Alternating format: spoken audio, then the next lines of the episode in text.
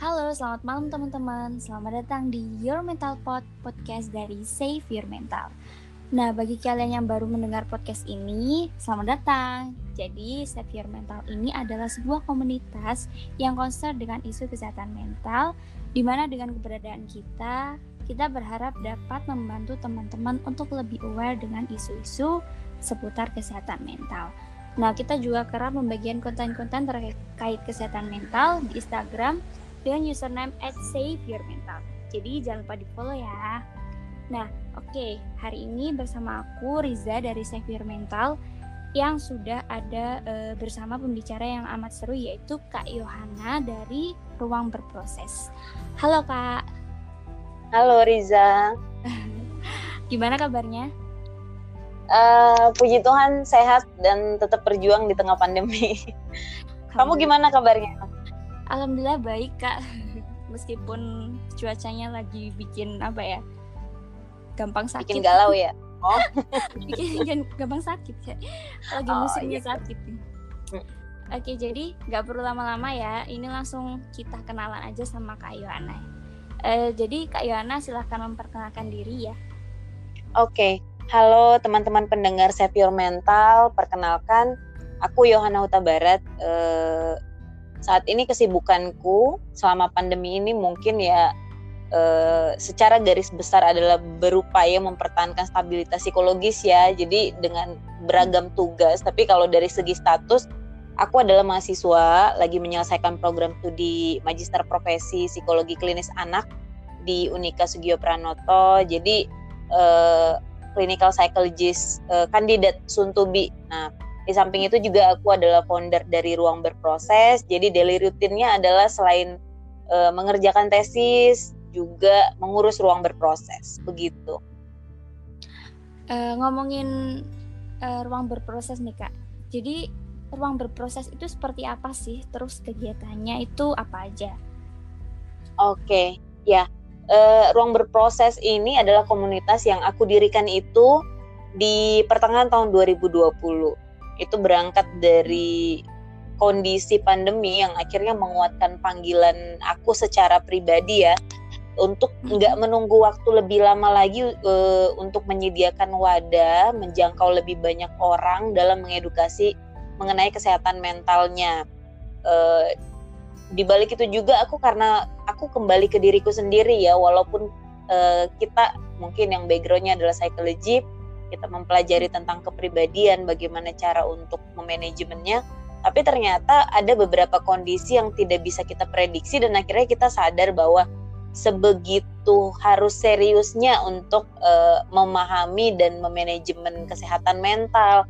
Akhirnya aku berpikir, ya banyak orang di luar sana yang membutuhkan kita untuk uh, apa ya, untuk mereka tahu uh, apa sih yang harus dilakukan dalam uh, mengenal dirinya. Karena masih kadang orang bingung ya, dimulai dari mana nih gitu. Jadi ya hmm. memang platform kesehatan mental yang sekarang sudah banyak dan mungkin salah satunya adalah ruang berproses hadir uh, untuk mengedukasi banyak orang mengenai kondisi kesehatan mental begitu. Terus tagline sama value yang dipegang sama ruang berproses ini seperti apa sih kak? Hmm, kita mau transfer satu tagline ke teman-teman adalah selalu ada ruang untuk kamu berproses menuju versi terbaikmu begitu. Ih, keren keren. Oke, okay, uh, eh, sekarang kita langsung masuk pembahasan aja ya kak.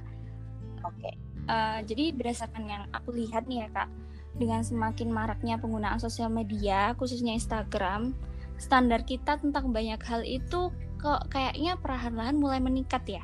Dari mungkin standar kecantikan sampai standar hidup ideal yang ditampilin di Instagram. Nah, kita yang ngerasa enggak sesuai dan enggak masuk dengan standar itu kadang kan jadi merasa insecure dan kadang mulai mikir nih kok aku nggak sekeren dia ya? Kok aku nggak secantik dia ya? Kok aku nggak sepinter dia ya? Kok aku nggak sukses dia ya? Dan lain sebagainya yang gimana ya kayaknya bikin kita makin down gitu tapi berdampingan itu dengan itu pula banyak juga nih kayak komunitas seperti Save Your Mental, seperti Ruang Berproses yang membagikan konten-konten yang kita buat uh, eh, self acceptance atau menerima diri sendiri. Tapi hmm, kalau aku sendiri sih kak, bukan baru banget sih ngerti uh, mental health issue gitu. Self acceptance itu itu masih sangat gimana ya asing gitu kak. Jadi sebenarnya self acceptance itu apa sih kak? Oke, okay uh, ya mungkin teman-teman yang bu backgroundnya bukan dari psikologi mungkin sering banget mendengar banyak istilah-istilah yang menggunakan kata self self self jadi kayak yes. uh, self esteem self acceptance uh, banyak lain ya di dalamnya itu jadi uh, intinya adalah uh, bagaimana kita uh, itu istilah-istilah yang digunakan untuk menengok atau mengistilahkan diri diri secara utuh ya secara baik secara psikis kalau kalau dari EPA menyatakan bahwa eh, apa seseorang dinyatakan sehat itu apa sih? Nah, sehatnya kan ada dua ciri. Jadi salah satunya adalah eh, sehat dari segi psikologis yaitu mental dan juga sehat dari eh, fisik. Jadi ini dua hal yang harus dibarengi. Makanya sering banget disebut kata diri diri self self. Nah, kalau untuk self acceptance sendiri e, mungkin kita bahas Indonesia kan adalah gampangnya penerimaan diri. Nah, itu e, adalah kemampuan seseorang untuk mampu menerima dirinya secara utuh, baik dari segi fisik, psikologis, sosial, pencapaian, kelebihan, kekurangan. Nah, itu secara utuh bagaimana kita mampu untuk menerima diri kita. Nah, itu disebut dengan self acceptance. Tapi aku lebih suka dengan bahasa yang kalau teman-teman tahu uh, seorang ahli di psikologi itu namanya Harlock.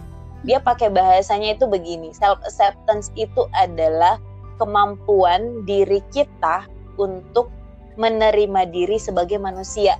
Nah, jadi sesimpel itu tapi kita sudah tahu sendiri maknanya itu sangat dalam kalau kita ngomongin menerima diri sebagai manusia.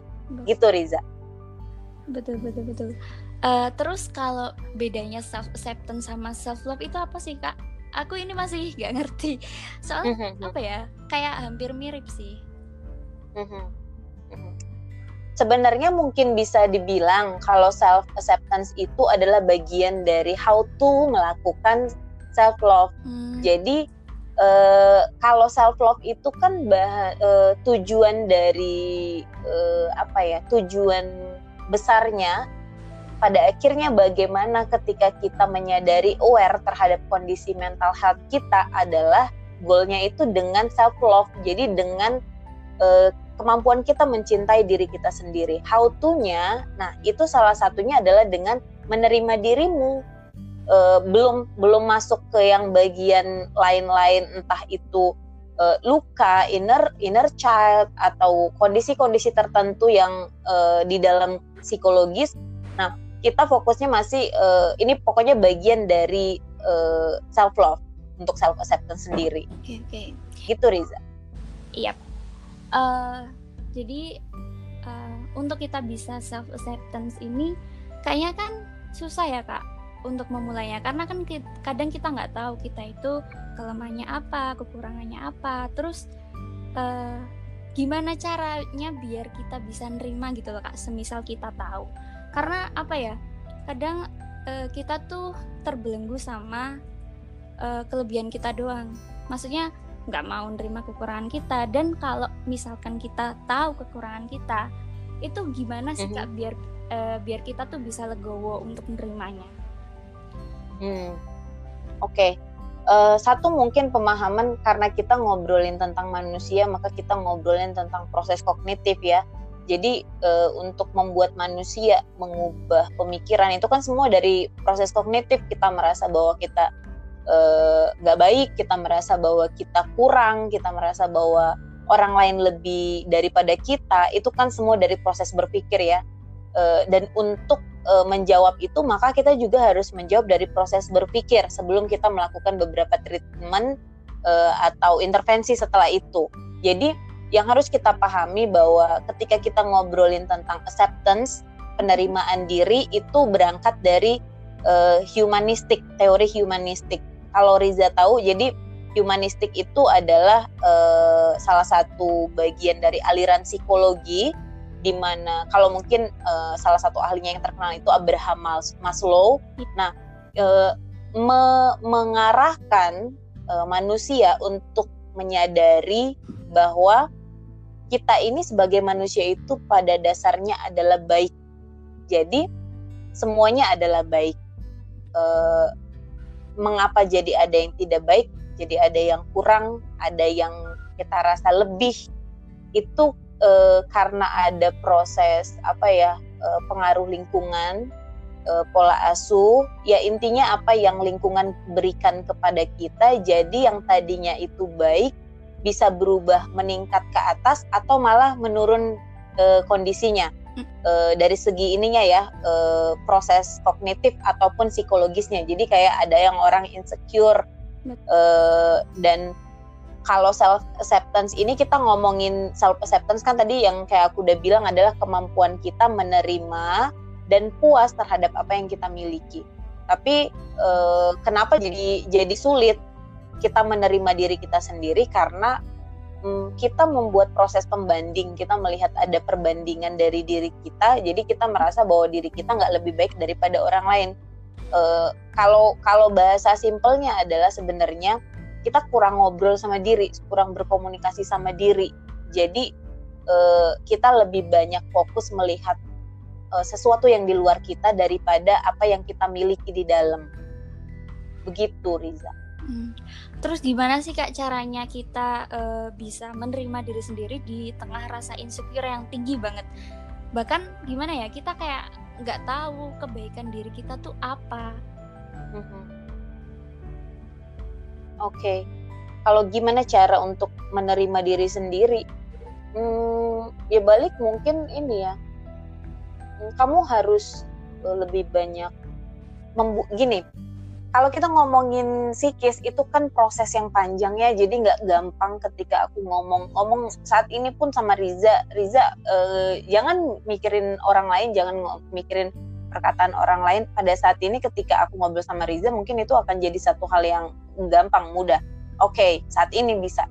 Tapi kan setelah itu kamu akan kembali kepada kehidupan sosialmu dan uh, ini jadi proses yang berat untuk melakukan yang tadi yang sudah aku sampaikan kan? Nah jadi kalau bagaimana caranya adalah sebenarnya uh, memperkuat atau uh, menguatkan diri kita sendiri dulu dengan cara uh, lakukan banyak hal yang untuk kamu ya kamu merasa bahwa kamu dicintai. Jadi uh, sebenarnya kenapa kita merasa bahwa kita kurang? Karena kita kurang karena kita sendiri pun kurang mencintai diri kita. Hmm. jadi ya orang ya kayak dibilang rumput tetangga selalu lebih hijau kan sebenarnya. Bahkan mungkin tetangganya juga ngomong sama kita kayak gitu rumput tetangga lebih hijau. Jadi itu yang akan berlanjut terus. Karena sebenarnya tidak ada kepuasan. Jadi Padahal yang dituju dari self acceptance adalah bagaimana kamu puas terhadap diri kamu. Jadi ya e, banyak cara, banyak cara yang bisa dilakukan. Teman-teman bisa mungkin searching di Google. Cuma kalau dari aku sendiri mungkin e, mem, karena kita ngomongin e, psikis, maka kita harus berbicara tentang gentle trait-nya, hmm. memperlakukan diri secara lembut. Misalnya, kalau sekarang kamu merasa aku sangat kurang aku tidak layak, jangan memaksa diri untuk mengatakan ke diri, aku lebih baik, aku lebih dari cukup. Itu kan jauh ya, jomplang ya. Iya. Tapi pakai pakai step yang yang manis, yang lembut, yang secara bertahap yaitu dengan dari kamu aku nggak cukup, aku nggak baik, kamu naikkan levelnya ngomong self talk itu adalah uh, aku bisa menjadi cukup, aku bisa menjadi baik, aku bisa kok, berarti akan ada upaya di dalamnya. Setelah itu kalau sudah aku bisa, berarti kan e, itu sesuatu yang akan dilakukan. After kita melakukan sesuatu walaupun masih belum begitu oke, okay, yang perlu kita sampaikan ke diri kita adalah say thanks dan aku cukup, aku sudah baik kok walau begini begini begini, besok masih bisa kok diperbaiki. Misalnya gitu. Baru sampai di akhirnya adalah di, e, kita sudah mengalami e, kepuasan terhadap diri, kita akan bilang aku lebih dari cukup gitu Riza uh, kalau ngomongin soal menerima diri sendiri itu kan dengan segala kekurangannya itu ya kak mm -mm. uh, ada yang bilang itu berlawanan dengan self awareness. Itu kalau menurut kakak uh-huh. gimana ya? Kan gimana ya kalau uh, self awareness uh-huh. itu kan kita uh, disuruh merefleksi diri lagi kalau kita itu uh, gini kurang ini atau orang itu melihat kita begini kan itu jadi uh, membuat kita agak sulit untuk menerima diri sendiri gitu loh kak. Hmm. Oh uh, maksudnya Riza itu adalah uh, kalau self awareness itu kan kita diminta untuk cross check dan evaluasi diri sedangkan kalau di self acceptance adalah kalau kamu punya kekurangan ya terima gitu maksudnya gitu jadi kayak kontradiktif kapan bisa mengalami perubahan kalau di satu sisi self acceptance bilang ya terima aja kekurangan kamu gitu ya maksudnya betul hmm oke okay. uh, eh, self awareness itu kan bagaimana kita mampu aware terhadap kondisi kita, melihat kelebihan, kekurangan kita, potensi kita. Kemudian ketika kita melihat ada yang kurang, eh, kita berupaya untuk memperbaiki. Eh, tujuannya itu apa? Tujuannya adalah kita mampu untuk mengupgrade diri kita. Karena manusia itu kan dinamis. Bukan tidak puas sebenarnya. Bukan manusia itu tidak ada puas-puasnya ya. Mau naik terus, mau naik terus, nggak nggak puas-puas sampai sekarang. Ya kita seiring berjalannya usia juga tuntutan juga berubah, kondisi berubah, jadi kita juga perlu mengupgrade atau mengubah diri. Nah, itu dari self awareness ya. Tapi kalau di dalam self acceptance, nah di self acceptance ini ada kata-kata yang uh, selalu ditekankan untuk tidak menyalahartikan makna dari self acceptance-nya adalah uh, kita mampu menerima diri kita, baik kelebihan maupun kekurangan ataupun kondisi-kondisi khusus yang kita nggak bisa kategorikan itu baik atau e, kurang. Jadi bisa netral. Kayak misal e, kepribadian. Kepribadian itu kan relatif ya. Seorang yang introvert itu bisa jadi annoying buat beberapa orang yang tidak bisa menerima kondisi yang introvert, tapi itu bisa menjadi pemakluman untuk orang lain. Jadi itu kan netral ya. Kita nggak bisa mengkategorikan uh, uh, kepribadian itu menjadi positif atau negatif. Cuman sejauh kita merasa bahwa kita menjadi tidak produktif atau kemampuan kita untuk mengupgrade diri menjadi terkendala, maka ada sesuatu yang harus kita uh, uh, perbarui. Eh sorry, kita evaluasi. Nah, di dalam self acceptance ini tidak menghalangi orang untuk mengupgrade diri atau bahkan mengevaluasi kekurangannya. Kalau di kami ruang berproses, kami bilang kan uh, apa selalu ada ruang untuk kamu berproses menjadi versi terbaikmu. Terbaik versi terbaikmu itu kayak gimana sih? Emang uh, ada rumusannya, emang ada ting uh, ada ujungnya gitu yang kayak oke okay, aku hari uh, ujian ini pengen dapat nilai 100. Jadi 100 acuannya gitu kan udah ada nilai ada ada nilai sakleknya. Nah, cuman kalau kita ngomongin versi terbaik ya yang kayak aku tadi bilang, manusia itu dinamis, kita pun dinamis. Sekarang kita maunya apa, besok kita udah maunya apa, kebutuhannya apa itu beda-beda. Jadi tidak menghalangi orang untuk memperbaiki diri dengan kamu menerima kekuranganmu yang sekarang. Begitu. Oke. Terus uh, gimana sih Kak cara kita bisa percaya diri dengan uh, keadaan diri kita yang sekarang ini gitu? Hmm. Oke. Okay gimana caranya bisa percaya diri? Berarti uh, ini sama dengan yang gimana caranya agar tidak insecure ya? Iya betul. Insecure itu kan perasaan yang tidak secure perasaan yang tidak aman. Kita merasa diri kita tidak aman merasa diri kita terancam. Uh, kendalanya kita uh, ini ini insecure ini kan lawannya dari acceptance ya. Jadi kalau orang yang ciri-ciri pertama dia belum menerima diri adalah dengan insecure. Kita udah bisa tahu bahwa oh ini ini belum uh, accept nih orangnya. Nah kendalanya ini adalah sebenarnya karena kita terhalang oleh kepentingan atau tuntutan eksternal. Jadi orang-orang atau lingkungan di luar dari diri kita itu tuntutannya itu sudah jauh lebih banyak dan kita pun tidak bijak untuk mengambil sikap bahwa sesuatu yang di luar dari diri kita itu tidak memiliki otoritas yang lebih besar daripada kita ya. Harusnya itu itu yang menjadi penghalangnya sebenarnya. Jadi bagaimana caranya untuk uh, merasa secure adalah dengan coba kurang-kurangin kurangin aja. Kalau aku bilang hilang kan okay. sulit ya. Coba kurangin membanding-bandingkan dirimu dengan orang lain. Fokus dulu tentang apa yang sudah kamu lakukan. Kamu bisa buat kok dengan cara journaling misalnya uh, kamu bisa buat uh, hari ini 10 hal yang uh, kamu syukuri di dalam hari ini apa aja. Hari ini satu hari ini kesel nih bete nih. Aduh udah mendung terus habis itu berantem sama teman kerjaan gak bener ditegur dosen dan lain-lain. Tapi di balik semuanya itu di malam hari misal sebelum kamu tidur ambil buku journaling tulis sesuatu 10 hal yang kamu syukuri hari ini. Ngobrol sama diri nah itu sebenarnya akan akan mengajak mindset kita pikiran kita untuk fokus ke kita dulu sebelum besok bertempur ke dunia eksternal ya itu udah jadi senjata dulu jadi e, caranya dengan begitu aja sebenarnya sudah mengurangi e, pola pikir kita untuk membanding-bandingkan diri dengan orang lain. Besoknya diubah lagi journalingnya. Apa aja kelebihan kamu yang nggak dimiliki oleh teman kamu. E, terus teman kamu sering minta tolong apa sih sama kamu? Nah itu kan berarti kelebihan ya.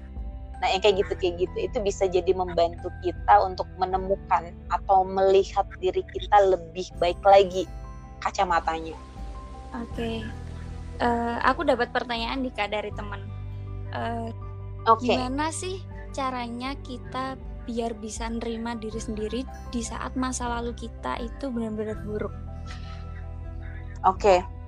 Uh, yang pertama aku nggak tahu secara detail uh, problemnya dia apa, isu di isu di masa lalu yang dia masih struggling sampai sekarang.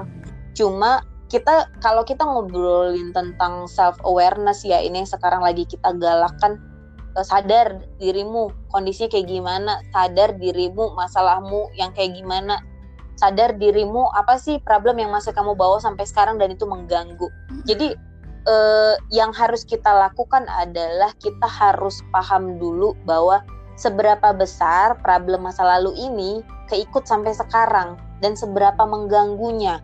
Kalau kamu sudah melakukan upaya self care kayak misal journaling meditasi eh, uh, apalagi ya kayak denger dengerin uh, motivator misalnya atau uh, ikutin webinar webinar kok kayaknya masih nggak mempan ya aku udah ngelakuin banyak cara untuk self care tapi kok aku ngerasa ini kondisi masa lalu ini masih menghantui ya sampai sekarang ya coba kita lebih uh, apa ya lebih open minded mungkin untuk menerima bantuan dari uh, orang lain misalnya ngobrol sama orang-orang terdekat kita. Kalau kita ngerasa nggak trust atau aduh nggak bisa nih kalau kalau masalah gue ini disampaikan ke temen gue atau ke orang tua bisa jadi malah jadi besar jadi uh, uh, permasalahan yang besar uh, ngobrol sama uh, ini profesional. Sekarang udah banyak konselor psikolog psikiater untuk kamu dibantu mengurai masalahmu. Karena ini yang akan mem, yang akan menghalangi kamu untuk uh, apa ya uh, produktif untuk uh, baik melakukan kehidupanmu untuk melakukan kehidupan secara baik ya. Kayak misal tadi dibilang aku jadi nggak percaya diri. Aku jadi insecure karena kondisi masa lalu itu yang masih menghantui. Aku ambil contoh lah misalnya e, diputusin sama pacar misalnya kayak gitu atau berantem atau membuat kesalahan di masa lalu. Dan sampai sekarang kita ngerasa bahwa kita nggak layak. Contohnya itu contoh ya. Hmm, ya kalau kita memang merasa bahwa ini sudah termasuk menjadi trauma atau ada memang kondisi khusus yang memang oh gue nggak bisa nih kelarin sendiri gue harus dengan rendah hati untuk meminta bantuan profesional. Karena e, mau sampai kapan dibawa? Itu kan jadi kayak misteri gunung es kan? Bongkahan esnya cuma kelihatan mengerucut kecil di atas di atas permukaan airnya. Tapi kan di bawah bongkahannya udah gede banget. Nah kondisi psikis ya gitu. Kalau nggak dikelarin ya akan jadi besar nantinya. Dan jadi bom waktu kan? Jadi kalau saran aku sih mungkin ya untuk teman-teman yang lagi struggling dengan uh, kondisi isu-isu mental isu masa lalu yang masih terbawa sampai sekarang ya ngobrol sama profesional ngobrol sama psikolog atau siapa pun yang kamu rasa bisa kamu percaya dan dia paham permasalahan kamu gitu mungkin oh ya kak eh, kadang saking traumanya kita sama masa lalu itu uh, bisa loh kayak lupa gitu sama kejadian yang pernah kita alami. Tapi kalau uh, hmm. kita lagi menyaksikan kejadian serupa, itu kayak ke trigger gitu. Aku sendiri pernah ngalamin. hmm Uh, Sebenarnya lupa hmm sama peristiwa yang aku alamin. Cuman kalau ada peristiwa serupa yang aku lihat, itu aku kayak langsung gimana gitu perasaannya. Itu gimana hmm caranya kita bisa nerima kalau kita aja lupa gitu loh kak. hmm Nah ini yang aku bilang kita tuh uh, teman-teman yang mungkin sudah menjadi psikolog dan aku yang yang mempelajari uh, bagaimana cara menghadapi klien. Kita tuh nggak bisa melewatin tahap-tahap dan itu kita transfer juga ke klien kan. Ada tahap-tahap yang memang harus dilewatin. Jadi orang datang berobat misalnya dengan kondisi tertentu dengan dengan kondisi mental tertentu dia minta langsung ya aku pengen langsung sehat sembuh gitu. Nggak bisa kan. Jadi ada beberapa step yang memang harus dilewati dulu. E, misal ketika datang ke psikolog kita ngobrol hal yang pertama yang dilakukan apa identifikasi problemnya apa kemudian mengurai sebenarnya masalahnya di mana. Apalagi untuk teman-teman yang punya trauma dan e, apa ya sistem kerja otaknya memang meresponnya itu di di ini di dengan secara otomatis e, ditolak memorinya untuk muncul kembali. Tapi ketika ada pengalaman atau kondisi yang mirip e, dengan kondisi yang membuat kita trauma itu tuh muncul. Walaupun bukan dengan e, kondisi yang persis sama ya gambarannya cuman jadinya itu menyakitkan nggak membuat nyaman. Nah kamu nggak bisa sendirian kalau begitu. Memang harus butuh orang lain untuk membantu. Jadi minta orang minta psikolog uh, untuk jadi ini ya uh, orang yang membantu kamu untuk mengurai apa yang terjadi dan apa yang harus kamu lakukan. Kalau aku mau ngasih tips itu nggak bisa secara detailnya apa yang harus dilakukan kamu lakukan ini ini nggak bisa karena ketika orang yang trauma pun datang ke psikolog psikolog akan melakukan rangkaian tes dulu untuk tahu batasan-batasannya, untuk tahu kondisinya. Jadi eh, ya se inilah seserius itu memang kita ketika kita mau mencari tahu tentang kondisi kesehatan mental ya, maka kita pun terhadap kondisi mental kita sendiri pun harus serius. Orang aja serius kan terhadap kondisi kita, apalagi kita sendiri harusnya kita dulu dimulai dari kita. Jadi mungkin saranku ya kalau udah disebut trauma ya berarti harus datang ke profesional. Oke, okay. berarti uh, beda orang beda penanganan dong kak ya?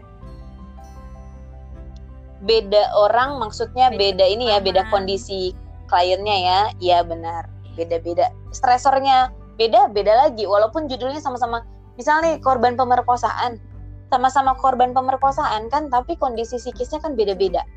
Nah ini penanganannya juga pasti beda. Oke okay, oke. Okay. Uh, gitu gitu. Terus kalau menurut kakak uh, manfaat dari self acceptance ini apa sih bagi diri kita sendiri gitu?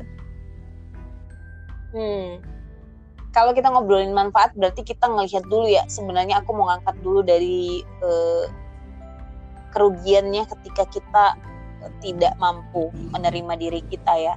Orang yang kesulitan menerima dirinya ini pasti akan memiliki banyak kesulitan secara emosional, psikologi, sosial. Jadi ini pasti akan mengganggu banget karena itu kan faktor-faktor penting yang kita jalankan dalam kehidupan kita sebagai manusia ya. Jadi eh, manfaatnya apa? Ya kamu menjadi manusia yang utuh yang mengenal dirimu dan kamu merasa bahwa dunia ini tidak sekejam apa yang mungkin dunia perlihatkan ke kita kan. Karena kita menemukan cinta di dalam diri kita. Jadi bagaimanapun kondisinya ya kita tetap kita punya cinta dan kita merasa dicintai utuh. Jadi manfaatnya sih uh, ia menjadi manusia yang seperti awal kita dilahirkan, manusia yang baik, manusia yang dilahirkan dengan penuh kebahagiaan, maka manfaatnya mungkin akan kembali seperti itu atau menyerupai kalau tidak bisa persis sama seperti itu. Gitu. Oke. Okay. Uh, Kak ini nggak terasa ya kita udah setengah jam ngobrolnya. Padahal mm -hmm. tadi awalnya niatnya cuma 15 menit. oh oke. Okay. Terus uh, dari ruang berproses yeah. sendiri ini pernah membuat kegiatan atau uh, apa gitu kak yang berkaitan dengan self acceptance? Oh iya iya iya. Kita banyak kegiatan yang tentang self. Sebenarnya self ya, self secara secara keseluruhan kita ngobrol self self terus. Mm -hmm. Nah e, di ruang berproses kan ada beberapa kegiatan nih kalau kita e, lagi buat e, yang rutinnya ini ada webinar webinar setiap minggu kemudian ada edukasi by konten kemudian ada IG live satu sampai dua kali seminggu ada support group juga untuk teman-teman yang punya isu mental health dan kita baru mau rilis konseling online nah di semua uh, event dan program kita itu kita sering banget ngobrolin tentang self acceptance walaupun tidak secara langsung kita sebut ini self acceptance tapi memang kita beri sentuhan bahwa kamu harus menerima diri kamu di beberapa webinar juga ada beberapa topik yang kayak self compassion, it's okay not to be okay, bagaimana self healing, dealing with inner child. Jadi itu semua kan mencakup bagaimana kita sebagai manusia mampu menerima diri kita. Gitu. Oke. Okay. Terus konselingnya ini rencananya bakal free atau gimana, Kak? Kita ada dua konseling, jadi satu konseling free, satu konseling berbayar. Kalau konseling free itu dilayani oleh teman-teman yang memang backgroundnya psikologi, uh, mahasiswa psikologi yang kita nanti akan training untuk konseling. Tapi kalau yang berbayar itu adalah uh, praktisi mental health yang sudah uh, apa ya sudah punya jam terbang, psikolog, psikiater, konselor seperti itu. Oke. Okay. Terakhir ya kak, uh, tips hmm. dari ruang berproses ini gimana biar teman-teman uh, bisa melakukan self acceptance? Hmm. Aku mau angkat dari kata-katanya uh, Bernard di dalam bukunya itu The Strength of Self Acceptance. Jadi kekuatan dari penerimaan diri itu adalah dengan membebaskan diri dari ketergantungan sosial dan memungkinkan kamu untuk menerima dirimu apa adanya atau kamu ingin menjadi apa. Jadi eh, kata-kata terakhir mungkin yang bisa aku share ke teman-teman adalah eh, kalau kita memang mau menerima diri kita apa adanya, maka mulailah dengan membebaskan dirimu dari tuntutan-tuntutan sosialmu dan akhirnya kamu mampu untuk melihat dirimu apa yang kamu pengen dan kondisi diri kamu secara utuh apa adanya. Nah, itu tadi pembahasan kita soal self acceptance bareng Kak Yohana dari Ruang Berproses. Jadi aku bakal highlight dikit apa yang disampaikan sama Kak Yohana tadi. Jadi, self acceptance ini adalah keadaan di mana kita bisa uh, menerima diri kita sendiri dari segi fisik, sosial, uh, dan psikologis serta kelebihan dan kekurangannya. Nah, dengan kita bisa menerima diri kita sendiri secara utuh, kita akan mampu berdamai dengan segala kondisi yang kita rasakan. Nah, terima kasih buat Kak Iwana atas waktu dan ilmunya yang luar biasa. Terima kasih juga buat teman-teman Save Your Mental yang sudah mendengarkan podcast ini.